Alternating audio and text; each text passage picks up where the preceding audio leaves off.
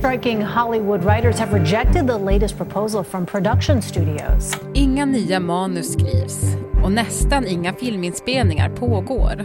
Hollywood står i princip helt stilla. I need my writers. I need them real bad. Strejken bland filmarbetare har pågått i flera månader och ser inte ut att ta slut än på ett tag. What are we doing? Moving around furniture on the Titanic? It's crazy! På en kvart får du veta hur dina favoritserier påverkas och varför konflikten är så svårlöst.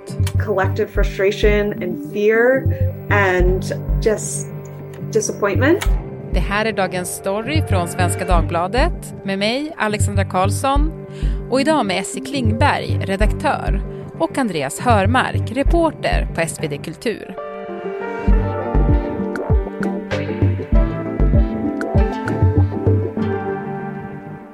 Essie och Andreas, är det någon serie som ni väntar på och där det inte kommer nya avsnitt på grund av strejken?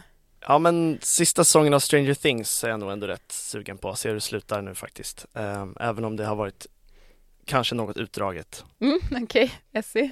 Men alltså man har ju vant sig vid ett väldigt högt tempo av nya säsonger.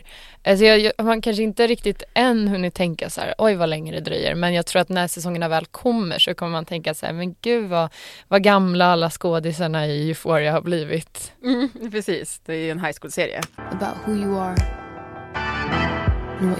Ja, precis. Mm, nu är de 50 år. De är ju redan 30 de som spelar så att det kommer ju vara Ja, precis, i Stranger Things kommer de liksom ha gått igenom hela puberteten Ja. på, på ett halvår. Why don't you two cut the horse shit and get to the part where you admit your sexual feelings? Precis, för det pågår ju en strejk och den är ju ganska långlivad redan och den, den känns inte som att de är på väg att komma överens än på ett tag i alla fall. Ja, alltså eh, det här är ju då Hollywoods eh, första dubbelstrejk på över 60 år, alltså där både manusförfattare och skådespelare eh, gått ut i strejk och som du sa så eh, började det ju med manusförfattarna. Eh, man kan väl säga att det är ganska mycket som står på spel. Eh, kärnan i den här konflikten kokar ner till skiftet från tv till streaming som förändrat både hur serier och filmer produceras och hur manusförfattare och skådisar kompenseras rent ekonomiskt. Så det är liksom, om man ska försöka förklara det så enkelt som möjligt, håll i hatten, så kan man säga att förr så fick eh, till exempel manusförfattare ersättning varje gång en serie repriserades. Eh, det här är som en sorts royalty som kallas residuals.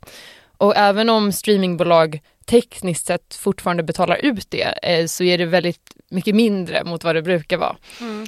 Eh, och det finns heller ingen riktig transparens kring seriers eh, tittarsiffror från streamingbolagens håll.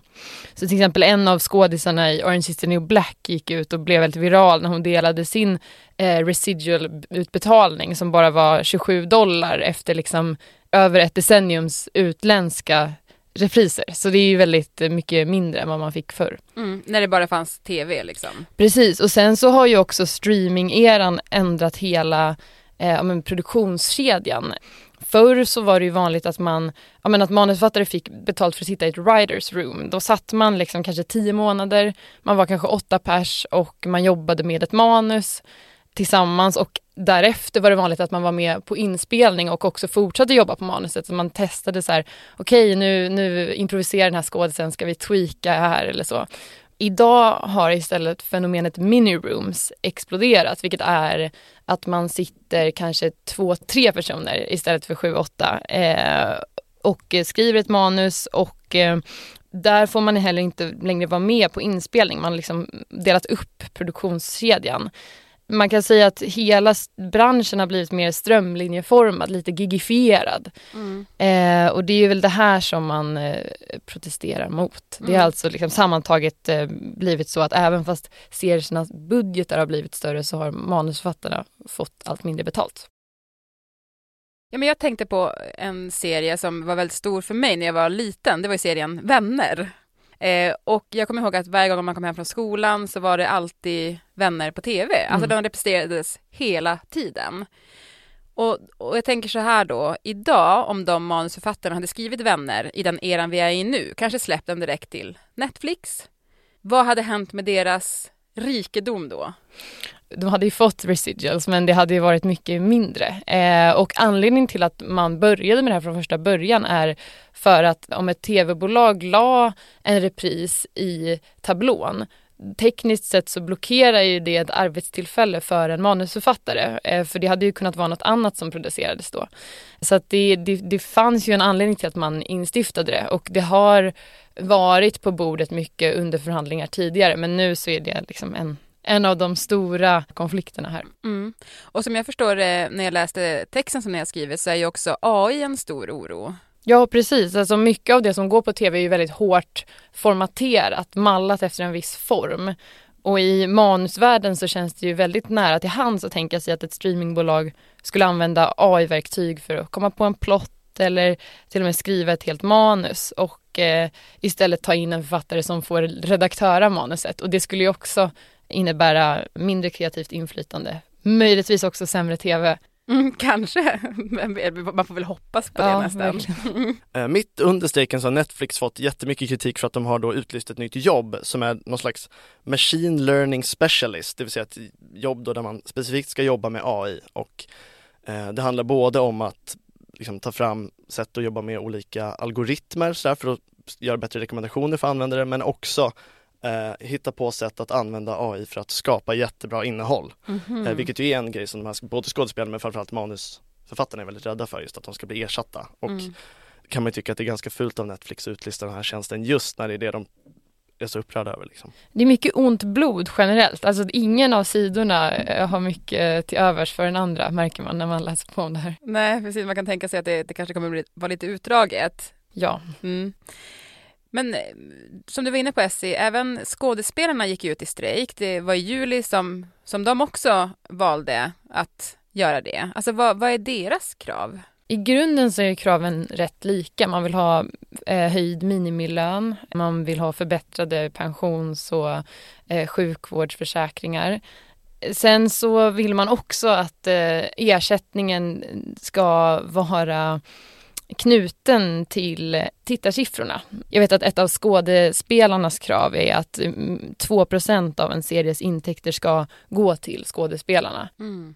Det är ju väldigt många serier som påverkas av den här strejken och det kommer dröja innan vi får se dem igen. Och jag tänkte att vi skulle göra en liten lista eh, på serier. Vad, vad, känner du för det Andreas? Uh, det kan vi göra. Ja, vad bra, för du är den designated personen att göra den här listan. ja att det korta svaret är att exakt alla serier påverkas, i någon mån i alla fall. Mm. Eh, men för dig vill jag tyvärr lyfta specifikt Emily in Paris som jag vet att du älskar. Have you ever been to a McDonald's in Paris? No, why? Mm. Let me take you to lunch skulle ha fått sin fortsättning nu under sommaren. Du får nog vänta ett år alltså. Oh, Gud, det är ju, man behöver Emily in Paris känner jag. Det är så mycket annat i världen som är mörkt och så får Emily in Paris komma med ljuset och nu måste man vänta ännu längre. Exakt. Jag blev faktiskt uppriktigt väldigt ledsen för jag visste inte att den skulle påverka så mycket förrän jag läste er text att det var just Emily in Paris. Vi kan även lyfta Euphoria, omtalad serie tyvärr också. Every time I feel good I think it'll last forever. But it doesn't säkert ett år fram i tiden. Uh, Stranger Things nämnde vi, The White Lotus har inte ens hunnit skriva klart nästa säsong. Do you wanna suck on my tits or jerk off on my face or something? Uh, inte heller Yellow Jackets eller The Last of Us eller många av de här serierna som, som i alla fall vi på SVD har hyllat. Mm. Men det är ju inte bara serier, det är filmer också. För oss killar är det ett hårt slag med Gladiator 2, flera Star Wars-filmer, några Avengers-filmer, Deadpool 3 till exempel. You all know the drill! ja, hur ska ni klara det? Check in on your guy friends. Strength and honor, strength and honor, strength and honor. Exakt. Ja. Eh, ja, alltså listan kan göras hur lång som helst egentligen. I princip alla produktioner som, som håller på i Hollywood påverkas. Men det finns eh, undantag. Mm. Ett undantag är A24, en lite kreddig uppstickarfilmstudio som ligger bakom titlar som Moonlight och Midsommar, Uncut Gems, Everything Everywhere All At Once. You know why I actually built the bagel? Wasn't to destroy everything. De får faktiskt fortsätta med alla sina inspelningar som vanligt i USA eftersom de har gått med på fackförbundens krav. Mm. Eh, ett annat undantag i den här serien House of the Dragon som vi tidigare pratade om skulle påverkas av, av eh, strejken.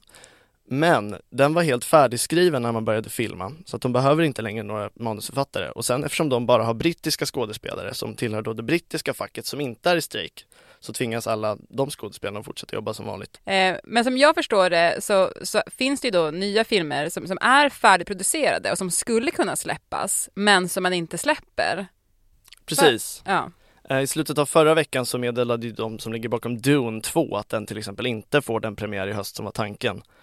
För att då Timothy Chalamet med fler inte kan göra några intervjuer, de kan inte marknadsföra, de får inte vara med i TV, de får inte ens svara på frågor om filmen tror jag. Eh, och eh, det påverkar ju marknadsföringen av filmen så, så, så mycket att um, man vågar helt enkelt inte ha premiären för att det är så stor risk att de får dåliga tittarsiffror och sådär i början. Mm. Och det kommer väl kanske påverka svenska biografer tänker jag, Essie? Från svenskt håll så har ju vissa branschrepresentanter gått ut och sagt att så här, svenska biografer är ju så pass beroende av ett stadigt inflöde av nya eh, amerikanska titlar som man oroar sig för att det ska liksom, ja, påverka tittarsiffrorna där. Eh, å andra sidan så är, eh, har ju vissa svenska ja, producenter och regissörer eh, lyft förhoppningar om att det här ska istället eh, ge svensk film ett uppsving. Mm. Ja, det kanske kan göra. Kanske, jag vet inte. Nej, du tror inte det eller? Nej, men jag har så lite svårt att se det. Alltså, eh, jag, jag, jag vet ju inte, jag kan ju bara tala för mig själv, men jag vet inte om jag personligen kommer gå och se bilactionkomedin Ett sista race bara för att jag inte kan se Dune. Eller jag vet inte, men, men, eh, men låt oss hoppas. En sak som jag också lärde mig när jag läste er text, det var ju att en konsekvens av den här strejken kan bli att det blir mer reality på streamingtjänsterna framåt. Ja, precis. Eftersom det varken krävs skådespelare eller manusförfattare traditionellt för att producera de här realityserierna så kan man ju fortsätta jobba med dem i ungefär samma utsträckning som förut. Och det har ju varit två sådana här stora strejker liknande den vi har idag, 1988 och 2007. Och det har man kunnat se då att efter strejken 1988 fick Fox realityprogram Cops, som ni säkert har sett. Ja, det började med den här reggae-låten. Man fick inte kolla på den för sina föräldrar.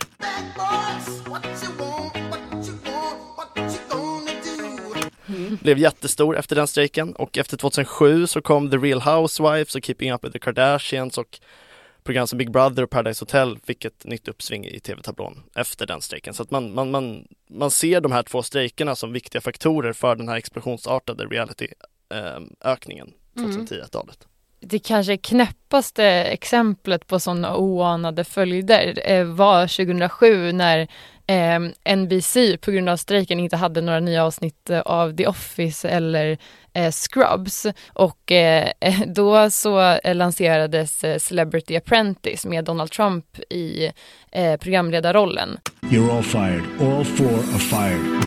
Så ja, kan man säga att eh, den förra manusstrejken skapade Donald Trump? Eh, kanske inte. Men man kan heller inte säga att det inte var så. Mm. Men precis, han fick väldigt mycket airtime i alla fall. Ja. En sak som har ändrats från 2007 i hur vi tittar på tv är att liksom, då, om det inte gick The Office på tv, då var vi tvungna att kolla på, vad heter det, Celebrity Apprentice. Mm. mm.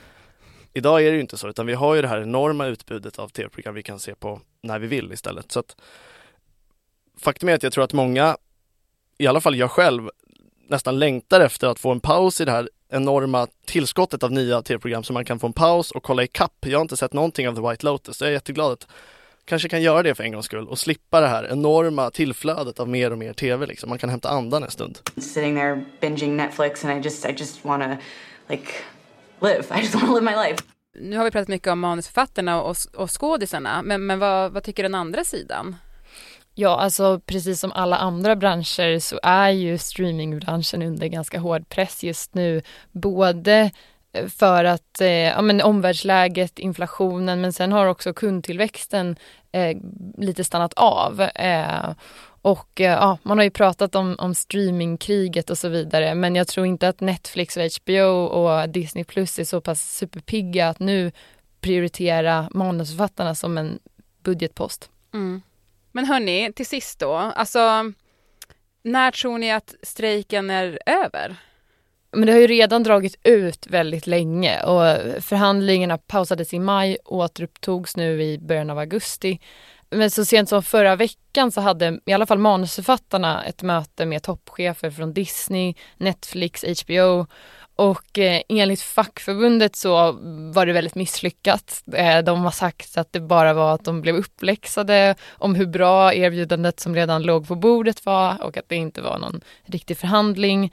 Nu är det bara den ena sidan av, av historien men, men det är så talande att de gick ut och sa det och det känns som att fiendeklyftan egentligen bara vidgats. Men sen så handlar det också om hur länge fackförbunden kommer lyckas hålla en enad linje för att eh, manusförfattarna och skådisarna har ju ingen inkomstkälla nu. Så det är ju verkligen eh, djupa skyttegravar känns det som. Ja, vi, vi fortsätter följa händelseutvecklingen. Tack så jättemycket för att ni var med. Tack. Tack. Programmet idag klipptes av Lasse Edfast och redaktör var Stina Fischer. Och klippen i programmet idag, de kom från Aftonbladet, CBS News och IT Canada.